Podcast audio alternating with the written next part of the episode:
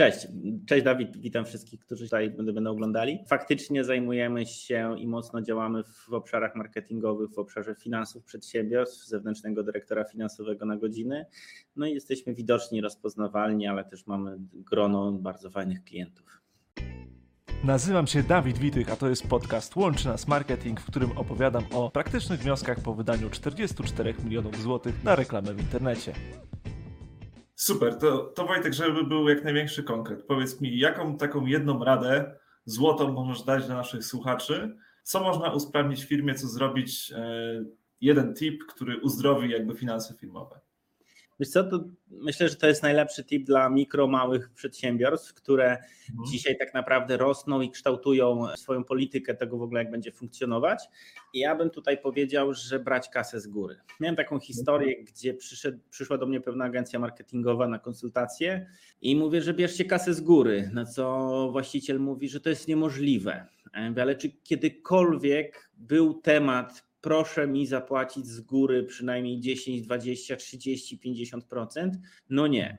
No to teraz się umówimy, że za miesiąc się spotkamy i przez ten miesiąc będzie kwestia, do każdego nowego klienta będziecie proponować 30% przedpłaty.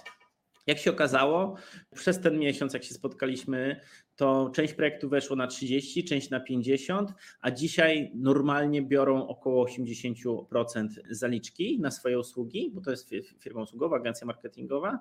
I jak mhm. podsumował to właściciel firmy, że bardzo widoczne jest u niego, że jest więcej pieniędzy na koncie i dużo mniej stresu ma z tym związane, że dzisiaj ktoś mu to przesunie, nie zapłaci i wiele innych rzeczy. Nie? Więc dla mikro i małych przedsiębiorstw, bo wiadomo, w średnim, dużym, jak się powie, że mają brać kasę z góry, to te relacje są zupełnie inaczej ułożone, nie? Tam, tam, tam mhm. trochę inaczej to wygląda. Ale w mikro i małych firmach ja widzę, że tam ta dźwignia, ta wajcha jest o wiele bardziej elastyczna i można negocjować, nie? Okej, okay, a powiedz mi Wojtek, nie pojawia się taka obiekcja, że generalnie klienci są przyzwyczajeni do tego, że jest płatność zawsze z dołu i e, że nie wiem, porezygnują albo generalnie się obrażą, pójdą do konkurencji? Ja uważam, że są pewne zasady biznesowe. To, to jest trochę tak, jak masz w domu i wychowaniu dzieci masz pewne zasady i te zasady są po to, żeby je przestrzegać. I teraz mhm. mam takie doświadczenie, że nieprzestrzeganie tych zasad zawsze prowadzi do jakichś problemów. Po prostu, nie? Mhm. I to jest trochę tak, że jeżeli masz klientów, którzy nie płacą, nie chcą mi płacić zaliczek, albo w jakiś inny sposób się to odbywa, że po prostu dostajesz późno pieniądze, to może warto sobie zadać pytanie, czy to są na pewno Twoi klienci, których chcesz obsługiwać i takie relacje handlowe budować. Nie? Bo na poziomie mikro i małej firmy która nie ma totalnej niszy, że jest skazana na klientów. Mówię to o często firmach usługowych, budowlanych, tak zwanych professional services, gdzie się łączą agencje, jakieś firmy inżynieryjne, inne rzeczy. To moim zdaniem w mikro i małych firmach to można wybierać, nie? że to nie jest tak, że ten jeden klient zbawi świat. Kiedyś tak myślałem, natomiast później się nauczyłem, czym jest marketing i czym jest sprzedaż, i od tamtej pory wiem, że dzisiaj, mając odpowiednie procesy, mając odpowiednie kryteria, można rozmawiać z klientami i ustalać pewne zasady. Nie? To też nie jest tak, że to się odbywa od razu. Nawet wezmę przykład naszej firmy, gdzie kiedyś nie do pomyślenia było wzięcie pieniędzy z góry. Dzisiaj praktycznie wszystkie takie współprace stałe są brane z góry, a takie jednorazowe czy godzinowe też są płacone z góry. Nie? Dzisiaj to jest jako standard. Natomiast ja też rozumiem to, że to nie jest tak, że pewnego dnia siadłem i mówię, kurde, to teraz będziemy brać z góry, tylko to był proces. Po to było przejście. Dzisiaj jest nam łatwiej, ponieważ jesteśmy tak naprawdę liderem rynku, jednym z kilku firm, które faktycznie na, na tym się skupiają. Jesteśmy mocno rozpoznawalni, mamy tą markę, więc jest nam w pewien sposób łatwiej, łatwiej to przeforsować, a z drugiej strony też mamy taką liczbę klientów i taką mamy dywersyfikację klientów. Dzisiaj u nas nie ma klienta, który odpowiada chyba za więcej niż 5 czy 6% rocznego przychodu. Co daje jakby takie bezpieczeństwo, że nie uzależniamy się, prawda, od jednego klienta, który generuje większość. Dokładnie. No to fajnie to słyszeć, bo powiem Ci, że ja od początku w mojej firmie WebMetro zrobiłem tak, że płatności są e, z góry i jeszcze przy pierwszej płatności jest zawsze wystawiona proforma w razie gdyby ta faktura VAT nie została mm, opłacona. Mhm. Także myślę, że bardzo fajna praktyka, chociaż widzę, że właśnie chyba większość jeszcze jej nie stosuje tak naprawdę na rynku. A ty, dzięki tobie trochę, że tak powiem, jest ewangelizacja tego tematu i idziemy w dobrą stronę. To prawda, na tym nam zależy, ale poruszyłeś też taki temat VAT-u. To jest mhm. w ogóle ciekawe, bo jeżeli wystawiasz z góry, to najczęściej robisz to pierwszego lub drugiego dnia każdego miesiąca. Jeżeli tak. wystawiasz fakturę pierwszego lub drugiego dnia miesiąca, to obowiązek ten podatkowy występuje w tym jakby w kolejnym miesiącu. I tak naprawdę, jeżeli wystawiasz mhm. pierwszego, to masz 50, około 50-50 dni czasu, kiedy przyjdzie moment zapłacenia podatków. A jeżeli wystawiasz to na koniec, czyli 31, to ten okres jest skrócony do 20 dni, prawda? Czyli tworzy się taki kredyt obrotowy, można powiedzieć, na 0%. W pewnym sensie, że możesz obracać tą gotówką i nie musisz jej. Tak. Chciałem powiedzieć, że nie musisz zamrażać jej w podatkach, ale to, to, nie, ma, to, jakby to nie jest takie sformułowanie stricte finansowe. Faktycznie mam, można poukładać ten model w taki sposób, że będzie to dawało nam dźwignię z każdej strony. Okej, okay. czyli powiedzieliśmy już sobie, że trzeba pozyskiwać odpowiednich klientów, którzy właśnie dostosują się też troszkę do naszych procedur. I teraz, jak już mamy pewne środki w firmie, które chcielibyśmy przeznaczyć na marketing, e, jak planować budżet na to w firmie? Czy to powinien być jakiś określony procent, czy może jakoś inaczej powinno się to Twoim zdaniem liczyć? Jak, jak podchodzicie do tego tematu? Mam taką myśl, że na marketing można wydać wszystkie pieniądze. Można mhm. lać, lać, lać i jeszcze będzie mało. Jest to pewna świadomość, z jednej strony pokusa marketerów, którzy będą za każdym razem mówić właścicielowym firmy: słuchaj, dolej, dolej, dolej, bo tu jeszcze będzie, tu są nowi klienci, tu. Czyli tak naprawdę sprzedają pewną wizję, a nic tak nie jest fascynujące dla właściciela firmy jak wyższe przychody i wizja wzrostu, czyli to można popaść w pewną łatwowierność i, i, i zgubić czujność. Ja o tym mówię, bo ja też parę razy mi się to zdarzyło, nie? że mieliśmy takie sytuacje, że bardziej mieliśmy większe potrzeby, oczekiwania większe, albo sobie dopowiedzieliśmy pewne rzeczy, że będą pewne efekty, albo jakich należy się spodziewać, niż faktycznie one były. Nie? Więc to jest ta kwestia. I teraz kluczowe pytanie, jak planować budżet marketingowy? Przynajmniej tak jak zrozumiałem. Ja patrzę w ogóle na marketing i na sprzedaż jako pewną funkcję w organizacji, pewien proces, czyli zasilania klientów, przychodów do organizacji Czyli to jest pewna funkcja, którą wydajemy. I teraz ta funkcja jest konsekwencją pewnej strategii firmy, strategii marketingowej. Ta strategia marketingowa przekłada się na pewne pozycjonowanie albo jest pozycjonowaniem, przynajmniej tak to rozumiem. Jeżeli mamy to pozycjonowanie, no to pozycjonowanie pewnie nam określa plan, co będziemy robić, jak będziemy robić, co się będzie za tym kryło, z kogo będziemy korzystać. I myślę, że przełożenie do takiego można powiedzieć, podstawowego poziomu, to będzie budżet, bo budżet będzie odwzorowaniem działań, które my realizujemy. Nie?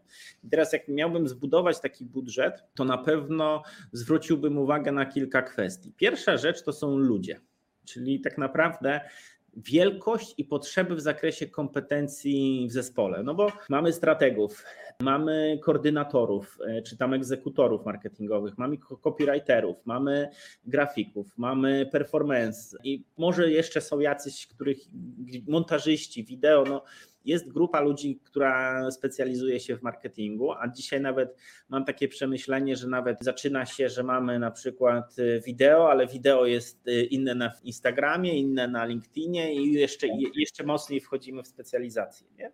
Mhm. E, więc to też pojawia się dodatkowa rzecz. Więc tutaj bym określił sobie, po pierwsze, jakie kompetencje my musimy dzisiaj mieć u siebie wewnątrz. Czy to są na przykład kompetencje strategiczne, czyli ktoś, kto pilnuje naszego pozycjonowania, jak to się przekłada. Mhm. To jest jedna rzecz. Czy później mamy mieć e, egzekucyjne stricte, czy na przykład jeżeli mamy, nie wiem, doradców, którzy jakby weryfikują strategię, układają plan i dajemy to egzekutorom, którzy na przykład mają, nie wiem, czy podwykonawców, czy na przykład mamy copywritera i grafika u siebie, czy mamy po prostu pełen e, dział, nie? Więc to jest taka trochę kompilacja podwykonawców i sił własnych, albo po prostu poukładanie. Ja mocno wierzę w to, że jednak trzeba rozpisać sobie procesy, które się dzieją i określić faktyczne zasoby, których potrzebujemy i gdzie są kluczowe te zasoby. U mnie przez, przez ostatnie parę lat była osoba w środku, która odpowiadała za strategię i za, za egzekucję, nie? I u nas się to mega dobrze sprawdziło sprawdziło. Natomiast dzisiaj na przykład zmieniamy ten model. I też w momencie, kiedy zaczęliśmy myśleć, w jaki sposób to rozwiązać, to właśnie było podstawą te procesy. No ale mamy wielkość zespołu jego kompetencje, to o czym powiedziałem. Mhm. Kolejna kwestia to jest wys- wysokość budżetu reklamowego, czyli stricte ile będziemy dolewać na nasz marketing. Później, czy będziemy realizować jakieś płatne współprace typu wywiady, wystąpienia, targi czy inne rzeczy. Później prace związane ze stroną www. U niektórych jest to koszt kilkaset złotych hostingu rocznie i domeny, ani u niektórych to faktycznie ta strona cały czas jest do, do, dostosowywana. Serwisowana, tak. Dokładnie. Ser- Nawet nie chodzi mi o serwis, ale chodzi mi o coś takiego, że jeżeli ktoś sprzedaje stricte w internecie, na przykład e-commerce czy inne rzeczy, to prace związane z wstawaniem produktu, zmianami, Małe dostosowaniem, prace techniczne po prostu. To jest to jest budżet, nie? To, Mhm. I to nie są, wiesz, z mojego punktu widzenia, Mhm. my płacimy jakieś tam kilkaset złotych za utrzymanie tak naprawdę, jakieś tam po prostu aktualizacje i to, to, to mam osobę, która się tym zajmuje, a są firmy, które jak patrzę na przykład na rachunki wyników e-commerce'ów, to naprawdę to są duże kwoty, nie? Takie prace na stronie, jakieś dodatkowe wtyczki, nie wtyczki. I- Tak. Później kwestia jest oprogramowania, którego używamy. Z oprogramowaniem jest tak, że na to też można wszystkie pieniądze wydać.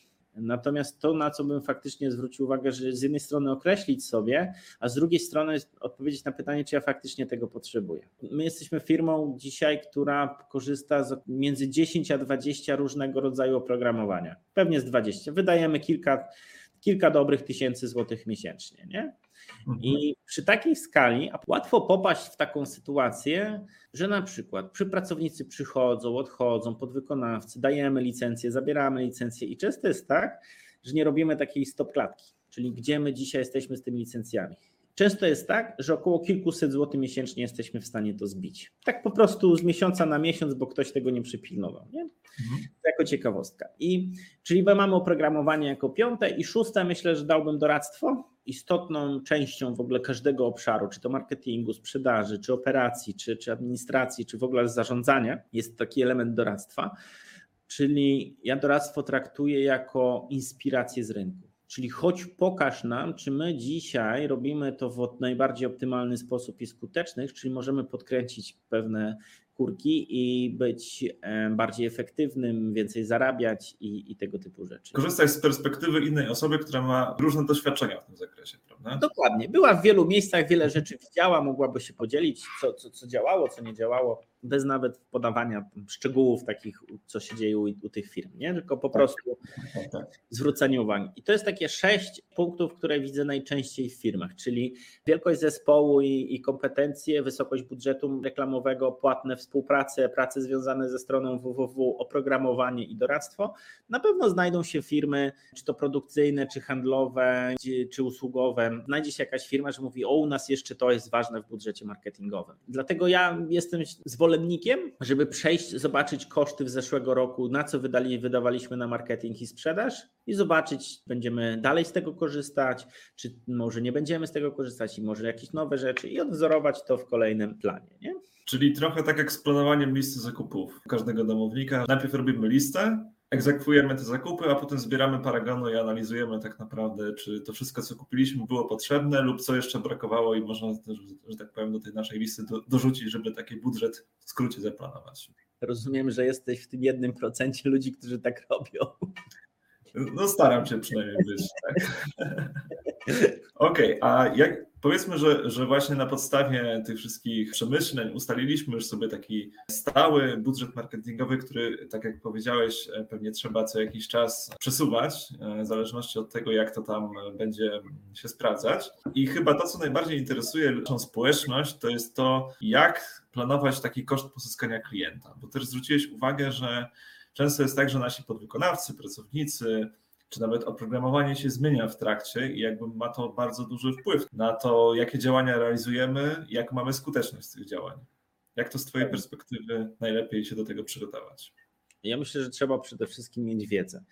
Moje doświadczenia też są takie, że wielu marketingowców podaje mnóstwo różnych wskaźników, które tak naprawdę robią jeszcze większy zamęt w głowach właścicieli firm. Natomiast ja mam bardzo prosty sposób podejścia do marketingu i do sprzedaży, i do obsługi klientów, bo jeżeli patrzę na strukturę kosztów, to mam podzielone na marketing, na sprzedaż, na obsługę klienta. I to są trzy takie nasze MPki, miejsca powstawania kosztów i podzielone na grupy, gdzie przydzielamy pewne koszty. I teraz ja na przykład liczę w to w taki sposób, że biorę wszystkie koszty związane z marketingiem, ze sprzedażą i z obsługą klienta i dzielę na liczbę klientów, którzy, przysz, którzy przyszli. Tak naprawdę robię to pierwsza rzecz, to pierwsza rzecz to robię to w na liczbę MQL, czyli leadów marketingowo kwalifikowanych, co daje mi informację, jaki jest faktyczny koszt pozyskania lida. Ile ja faktycznie płacę, bo tak naprawdę ok, budżet, nie? Możesz wykorzystywać budżet, ale czasami jest tak, że twoja marka też jest silna, gdzie budujesz ją gdzieś indziej, gdzie na przykład płacisz za wystąpienia albo na konferencje albo na jakieś inne rzeczy i to też ci ściąga. Nie? Dlatego ja patrzę na to w ten sposób, że lubię rozmawiać z marketingiem w taki sposób. Zobacz, masz taki budżet, tyle pozyskałeś. Określam ci pewne granice jako właściciel albo osoba zarządzająca, w których możesz się poruszać. Ale ja nie, będę, nie chcę ci mówić, czy to ma być Facebook, czy to ma być Instagram, czy to ma być strona www, czy to ma być webinar, czy cokolwiek, tylko to jest pewien poziom.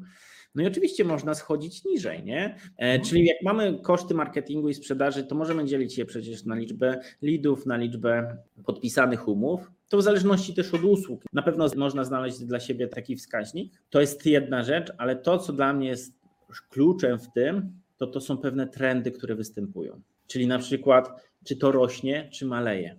Bo jeżeli rośnie, to znaczy, że mniej efektywny sposób wydajemy nasze pieniądze. Jeżeli maleje, to znaczy, że robimy coś lepiej. I to w zależności na którym poziomie. Nie? To jest jedna rzecz. Druga rzecz, to też warto o tym powiedzieć, że oczywiście, jeżeli mamy dane ogólne, bo ktoś powie, no tyle i tyle pieniędzy na jednego lida, to jest zbyt ogólnie. Oczywiście możemy wchodzić. Tyle wydaliśmy na marketing, y, na Facebooku, na budżet, na agencję, tyle nam przyszło. I możemy mieć taką, później taką strukturę, tylko to wszystko jest powiązane z tym, jaką mamy analitykę bo wejść można mega głęboko. Naprawdę można zrobić do tego dodatkową w ogóle analizę marketingu i sprzedaży, co tam się dzieje, i można określić ten koszt pozyskania.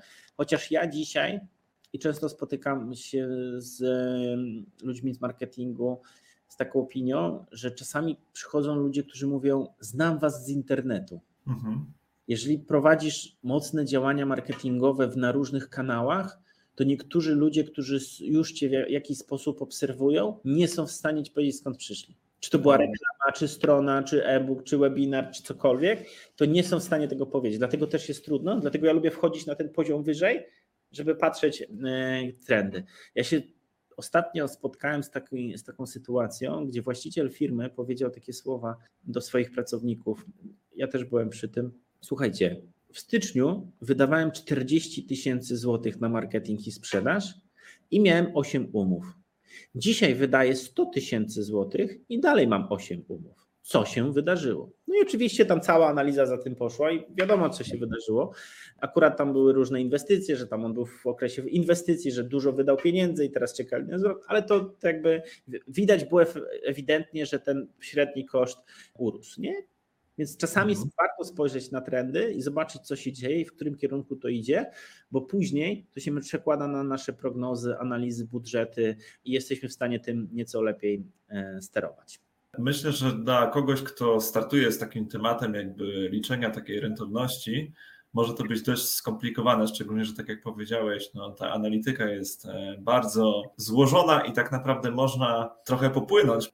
Też z mojej perspektywy 9 lat, kiedy my pomagamy też oceniać jakby efektywność tych kampanii naszym klientom, czy jesteś zwolennikiem tego, żeby upraszczać, powiedzmy, właśnie takie, takie śledzenie efektywności do na przykład jakichś paru wskaźników, które właśnie w jakiejś dłuższej perspektywie sobie, nie wiem, analizujemy, czy może jakaś inna metoda byłaby taka najprostsza do wdrożenia, powiedzmy, właśnie dla naszego słuchacza, żeby, żeby mógł sobie po tym odcinku już coś takiego zacząć mierzyć?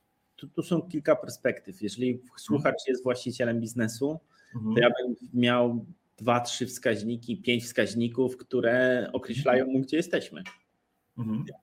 Liczba, liczba MQL, liczba SQL, konwersja, średni koszt pozyskania klienta, średni koszt pozyskania lida, więc są pewne wskaźniki ogólne i patrzeć na te trendy. Natomiast na poziomie marketingu, marketing menadżera, specjalisty, to ja jestem zwolennikiem tego, że jeżeli patrzymy w liczby i przekładamy te liczby na nasze działania, to się bardzo mocno buduje.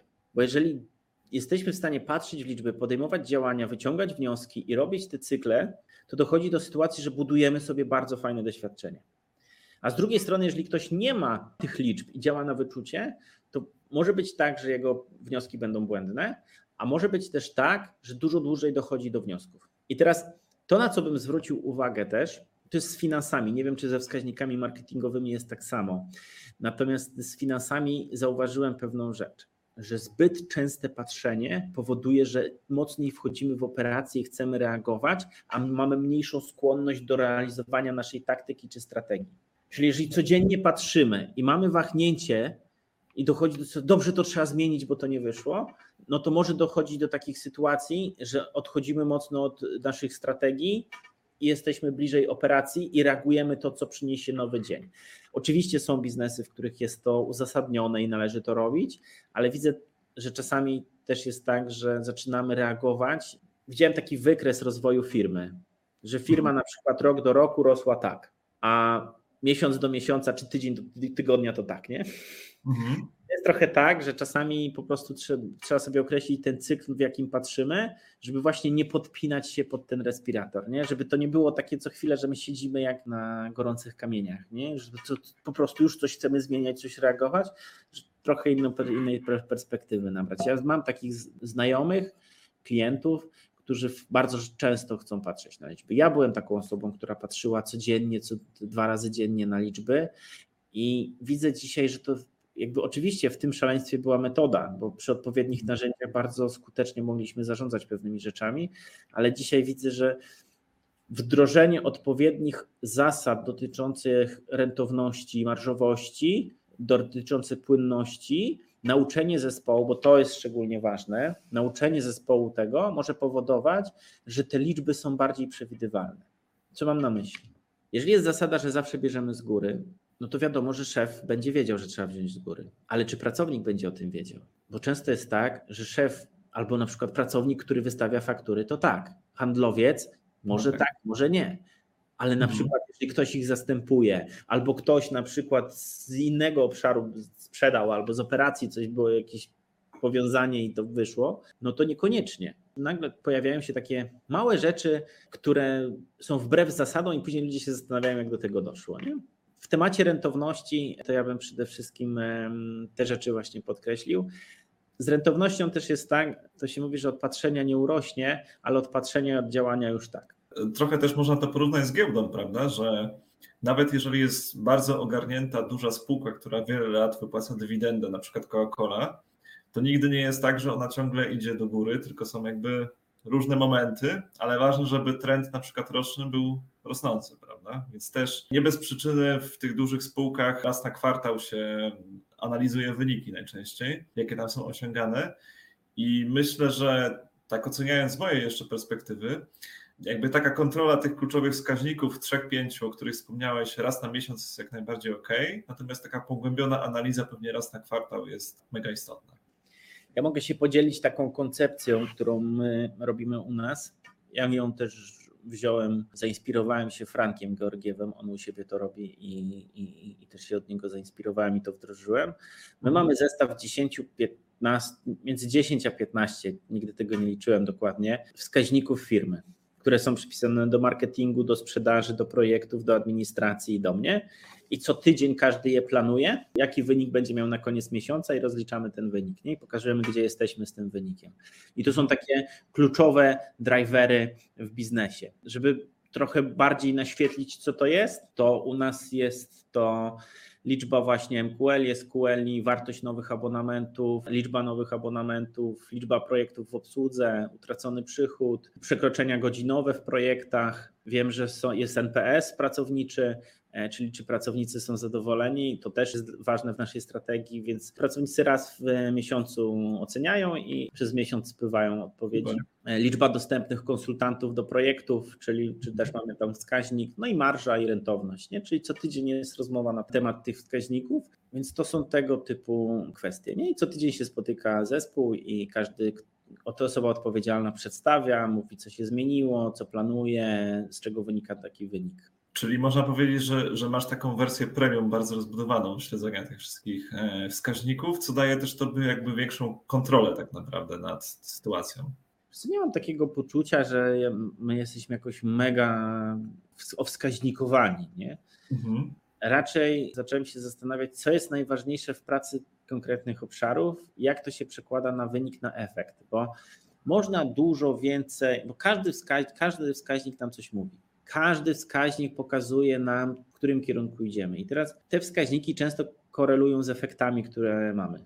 Dużo działań jest realizowanych do poziomu tego efektu. I teraz nawet jako z, z, punktu widzenia właściciela, kiedyś widziałem, wiedziałem wszystko o wszystkim w, w, naszej firmie i ciężar, który nosiłem tych wszystkich liczb, ja je, je pamiętałem, bo codziennie na nie patrzyłem, był dość duży i dość obciążający, ale to kosztem alternatywnym był rozwój firmy, że ja więcej patrzyłem na liczby i chciałem rangować, niż patrzyłem na strategię, na procesy, jak budować dźwignie i tego typu rzeczy. A z drugiej strony, jako właściciel, te, jeżeli ja mam te 10, 12 wskaźników, tam 15, ja na nie patrzę, to ja wiem, czy jest dobrze, czy nie. Natomiast tak naprawdę to menadżer przychodzi, czy tam osoba odpowiedzialna mówi o tym wskaźniku, ale już ona powinna wiedzieć, co się za tym kryje, dlaczego tak jest, z czego to wyniknęło. I właśnie on o tym mówi, nie? że jest liczba i co się, i co się za tym kryje.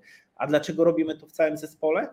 Ponieważ wyrównuje się pewien poziom wiedzy, jak funkcjonuje firma, co wy tam robicie, co my robimy. Nie?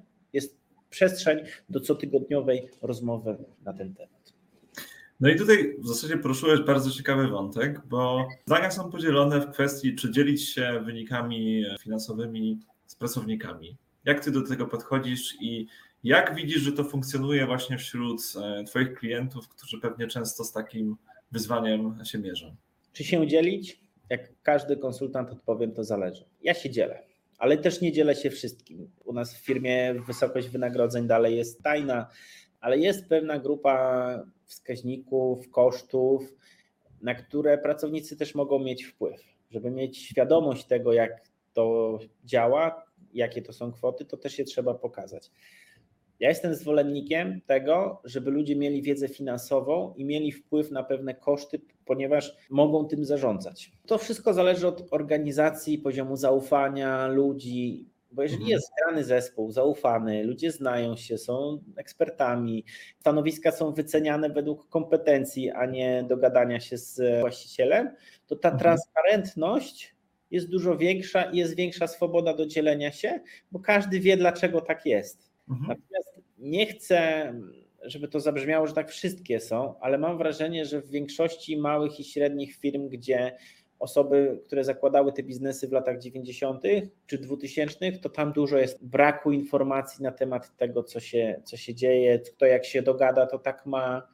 Czasami też jest ta obawa, ja ją często spotykam w rozmowach, że pracownik na przykład jest pracownik, który, bo wypłata daje wartość pracownikowi, w sensie on pa, przez to patrzy na swoją wartość w kontekście innych i się porównuje. I ja często słyszałem takie sytuacje, że nie były jawne wynagrodzenia i osoba, która była tam blisko prezesa czy blisko zarządu, nie miała do tego dostępu i w momencie, jak dostała ten dostęp, nagle zobaczyła, że kurczę, ludzie więcej od niej zarabiają i, mów, i ona się poczuła taka niedowartościowana, po prostu. I się musiała zwolnić. Jakby, jakby bardzo negatywnie to, to wpłynęło. Więc ja myślę, że to wszystko zależy od kultury organizacyjnej, jaką budujemy, jaką mamy, na temat rozmów z ludźmi, co, gdzie, bo to trudny temat i można wylać dziecko z kąpielą. Naprawdę ja nie, nie odpowiem, że tak, musicie to robić, nie, bo w niektórych mhm. firmach myślę, że to będzie fajny trigger, y, taka dźwignia do zaangażowania pracowników,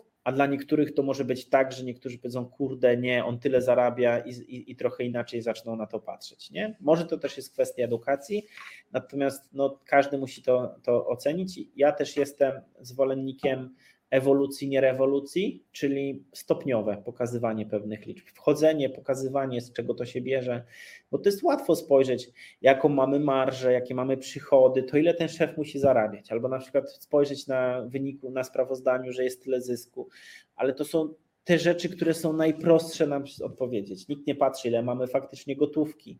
No bo co z tego, że mieliśmy pół miliona zysku w zeszłym roku, jak nasza firma urosła trzykrotnie i ta cała gotówka jest w kapitale pracującym. Czyli to, ten cały zysk został przeniesiony na naszą podstawową działalność tak, żebyśmy my mogli funkcjonować. Jasne. Wydaje mi się, że taką, przynajmniej z mojej perspektywy, taką obiekcją ku temu, żeby nawet jak mając zaufany zespół pokazywać e, takie liczby, jest to, że często pracownicy w zależności od działu widzą tylko wierzchołek góry lodowej firmy, prawda? Czyli klasycznym przykładem jest to, że przedsiębiorca boi się wymienić na lepszy samochód, prawda? No bo będą go oceniać w otoczeniu sąsiedzi, e, pracownicy i tak dalej, i tak dalej, prawda? I być może to jest trochę powiązane z tym, co powiedziałeś, że takie podejście mają bardzo często ci przedsiębiorcy, którzy startowali w latach 90. i gdzieś tam to, to się utrzymuje w, tym, w tej mentalności, prawda? Może to być jakaś tutaj korelacja, tak jak o tym opowiadałeś, tak mi przyszło do głowy. No i teraz kolejne pytanie, które mi przychodzi na myśl. Jak teraz zarządzać efektywnością, żeby oni jednocześnie nie czuli się, że tak powiem, miażdżeni przez pewne procedury narzucone z góry, a z drugiej strony, żeby to też wpływało na po prostu zwiększenie efektywności firmy. Ja myślę, że takim, jeżeli w ogóle rozmawiamy o efektywności, to trzeba dwie rzeczy podkreślić. Mhm. Pierwszą rzecz to procesy, które mamy w organizacji, bo na koniec dnia nie liczy się jeden człowiek, który jest w 100% efektywny, tylko gdzie jest nasze wąskie gardło. Tu w ogóle fajna książka Eliu Goltrata, Gol, czyli cel 1 i 2 o, na temat teorii ograniczeń. To, mhm. to że sobie warto przeczytać i zobaczyć. Ja patrzę na firmę jako na pewien proces, taką linię produkcyjną, nawet na firmę usługową, nie? czyli to musi być po prostu przepływ. I teraz jest kwestia taka, że pierwszym kluczem, punktem wyjścia do efektywności całej organizacji czy, czy, też pracowników są jej procesy. Na pewno jest ktoś, kto świetnie będzie potrafił ogarnąć te procesy, zautomatyzować, i to jest pierwsza rzecz. Druga rzecz, która ma bardzo duży wpływ powiązanie z tymi procesami, to jest efektywność danego pracownika. I to jest często tak, że jak ktoś jest na umowie o pracę, to musi 8 godzin, wchodzi, wychodzi i jest mierzone, no tyle godzin pracuje. Ale to jest taka trochę taki worek, do którego nie możemy zajrzeć. Dlatego jestem wielkim zwolennikiem tego, żeby przede wszystkim podzielić sobie czas pracy, taką stworzyć strukturę. Co zajmuje nam praca z klientami? Co zajmuje nam takie Widzę, że jak za każdym razem to mi okejka wyskakuje. Tak, w ogóle zapraszam do lajkowania i udostępniania tego odcinka oczywiście, bo myślę, że Wojtek już do tej pory powiedział dużo mięsnych rzeczy, a jeszcze nie dobiliśmy do końca odcinka. Zapraszamy. Wracając. Podzielić czas pracy na takie, które są związane z klientami, z takimi rzeczami, z nadzorem, z zarządzaniem, z marketingiem, ze sprzedażą, z administracją, żeby zobaczyć sobie, jak wygląda ta struktura czasu, prawda? Bo często spotykam się z tym, że my nie mamy świadomości, ile czasu nasi ludzie poświęcają na jakie rzeczy. Bo może warto zrobić jakąś automatyzację, może warto zabrać pewne rzeczy administracyjne od ludzi, którzy pracują z, z klientami, bo będą mogli więcej czasu poświęcić i wyższą marżę wykręcić. Czyli w ogóle taka świadomość, co robią nasi pracownicy. U nas jest tak, że nawet ja raportuję czas pracy, ponieważ ja po kilku miesiącach, co trzy miesiące siadam, patrzę na swoją strukturę czasu pracy i patrzę, co ja takiego robiłem i czy są rzeczy, których ja nie muszę robić, do których Czas jest ten sam, co mój i pracownika, i wartość dodana jest ta sama. To, że ja to robię, to wcale nie jest robione, że ktoś nie zrobiłby tego tak samo. A lepiej już tego się nie da zrobić, bo to się jest robione na tym właśnie poziomie. Nie? I to jest dla mnie też tak, z jednej strony ja się nad sobą tak zastanawiam, a z drugiej strony jak rozmawiam ze swoimi ludźmi, to się też zastanawiamy nad tym, nie? co ich wkurza. Bo mam taką teorię i myślę, że to jest pewna też wizja tego, jak uważam, że w przyszłości powinno się pracować w dobie AI, w dobie automatyzacji, że ludzie mają określone kompetencje i określone specjalności, ekspertyzę. I trzeba na każdym stanowisku wychwycić jedną rzecz, która jest kluczowa. Czyli na przykład mógłbym powiedzieć, że w sprzedaży rozmowy z klientami. I teraz co zrobić, żeby ten handlowiec, sprzedawca maksymalnie dużo czasu spotykał się na rozmo- rozmawiał najwięcej z klientami, a wszystkie prace, wypełnianie CRM, administrację, przepisywanie danych, raportowanie i całą resztę, która zabiera mu tak naprawdę ten czas, zautomatyzować, wdrożyć właśnie w AI, żeby ludzie, którzy mają w głowie fajne rzeczy, są ekspertami, specjalistami, mogli się skupić na tym, co potrafią, a nie na przerzucaniu danych. No i tutaj właśnie poruszyłeś ciekawy wątek AI. Jak właśnie oceniasz z Twojej perspektywy rozwój automatyzacji czy nawet robotyzacji tych czynności, które są e, realizowane przez ludzi od finansów czy ludzi od marketingu? Ja myślę, że ten rynek zmierza ku. W ogóle AI będzie potężną dźwignią. Bo to też trzeba podzielić sobie, nie? że e, mamy normalną pracę, mamy procesy, mamy automatyzację. AI też wspiera tę automatyzację tak naprawdę. Bo moim zdaniem AI jest często elementem większych procesów, prawda? Zastępuje nam pewne rzeczy. I teraz firmy, które będą w to wchodzić, pewnie będą mieć bardzo dużą dźwignię operacyjną. Co mam na myśli? Jakby przewagę operacyjną, czyli na przykład jeden pracownik będzie mógł napisać, sprawdzić tak naprawdę 100 postów, a nie napisać 20. Wiadomo, że przypisanie tych 100 postów to jakby poziom może się trochę obniżyć, no ale nawet załóżmy, że będzie to 50 czy 60. Nie? to taki koszt tego Open Chata GPT jest niewspółmierny, prawda? I to jest tylko kwestia czasu, kiedy ten poziom jest niski, a on będzie cały czas rósł, bo on, taki chat GPT się prawda, uczy cały czas naszych preferencji. Dokładnie. Ja myślę, że w ogóle, jeżeli chodzi o finanse, to będą dwie rzeczy. Pierwsza rzecz to już jak wchodzi XF, to będzie dość duży, powinien być duży porządek z, z, dokumentami, czyli już nie będziesz musiał biegać z dokumentami do swojej księgowej, tylko księgowa będzie mogła sobie ściągnąć to mm, z KSEF-u. To jest pierwsza rzecz. Natomiast AI może fajnie rozwiązać problem rozrachunków. Czyli jeżeli mamy pełną księgowość, to do pełnej księgowości jest tak, że do każdej faktury musi być ten rozrachunek, czyli czy my to zapłaciliśmy, czy nie. W działalności gospodarczej, w książce przychodów i rozchodów tego nie ma. To, czy ktoś nam zapłaci, czy nie, to nigdzie nie jest księgowane. To jest takie ujęcie stricte podatkowe. Natomiast w spółkach to już jest, widzę, że zaczyna to być praktykowane i to jest naprawdę mocne. Czyli wyobraźmy sobie, że te rozrachunki się tworzą. Księgowi będą mieli dużo mniej pracy. Oczywiście na całym procesie, nie? bo przetwarzanie danych może się bardzo przyspieszyć. E, jeżeli jesteśmy w stanie wrzucić pewną wiedzę finansową, później historię firmy, no to po pewnym czasie można wyciągać pewne wnioski. Nie? Natomiast to jest mój strzał, moja opinia. Wydaje mi się, że dalej tym takim ważnym kluczem będzie to, jak czujemy rynek i jak możemy prognozować, i tego nie zastąpi nam AI. Że tak naprawdę nie, bo czasami liczby nie pokazują, że coś z tego się da zrobić. Ale wizja właścicieli, koncepcja zarządzania, budowania pewnego modelu, skali może pokazać, że to zupełnie inny sposób można zrobić. Nie? Myślę, że dosyć optymistycznie patrzysz na AI, bo wydaje mi się, że nawet za jakiś czas e, może nawet taką funkcję przejąć taki robot, bo podam Ci taki praktyczny przykład. Ostatnio do naszych spotkań z klientami zatrudniliśmy właśnie robota, który robi notatki ze spotkań. No i zazwyczaj takie notatki robiła najmłodsza osoba stażem prawda, na, na spotkaniu. I problem z tymi notatkami polegał na tym, że bardzo często taka osoba po swojemu interpretowała i przekształcała to, co było ustalone na spotkaniu. Robot dokładnie na podstawie Twoich słów zapisuje, jak to zostało ustalone na spotkaniu i nie musisz mu przypominać, czy monitorować tego w swoim systemie do, do tasków, czy, czy do przypominajek, prawda, że tam to ma być zrobione, tylko dostajesz to od razu po spotkaniu i wydaje mi się, że kwestią czasu jest kolejnym krokiem, żeby jeszcze na podstawie tych notatek taki robot przygotował rekomendacje co do strategii, jak to powinno być na przykład rozwijane. No to już duża rzecz. Na pewno, jeżeli byśmy wrzucili naszą strategię i ją bardzo dobrze opisali, zrobili iterację, no to na pewno to z czasem pewnie by się nauczył ten robot. Nie? Mhm. W ogóle, jeśli myślę sobie nawet o marketingu, to ostatnio z kimś rozmawiałem, że można wrzucić ileś set naszych wywiadów, postów i tego wszystkiego, i żeby w tym stylu generował kolejne treści. Nie? To też jest potężna, potężna dźwignia.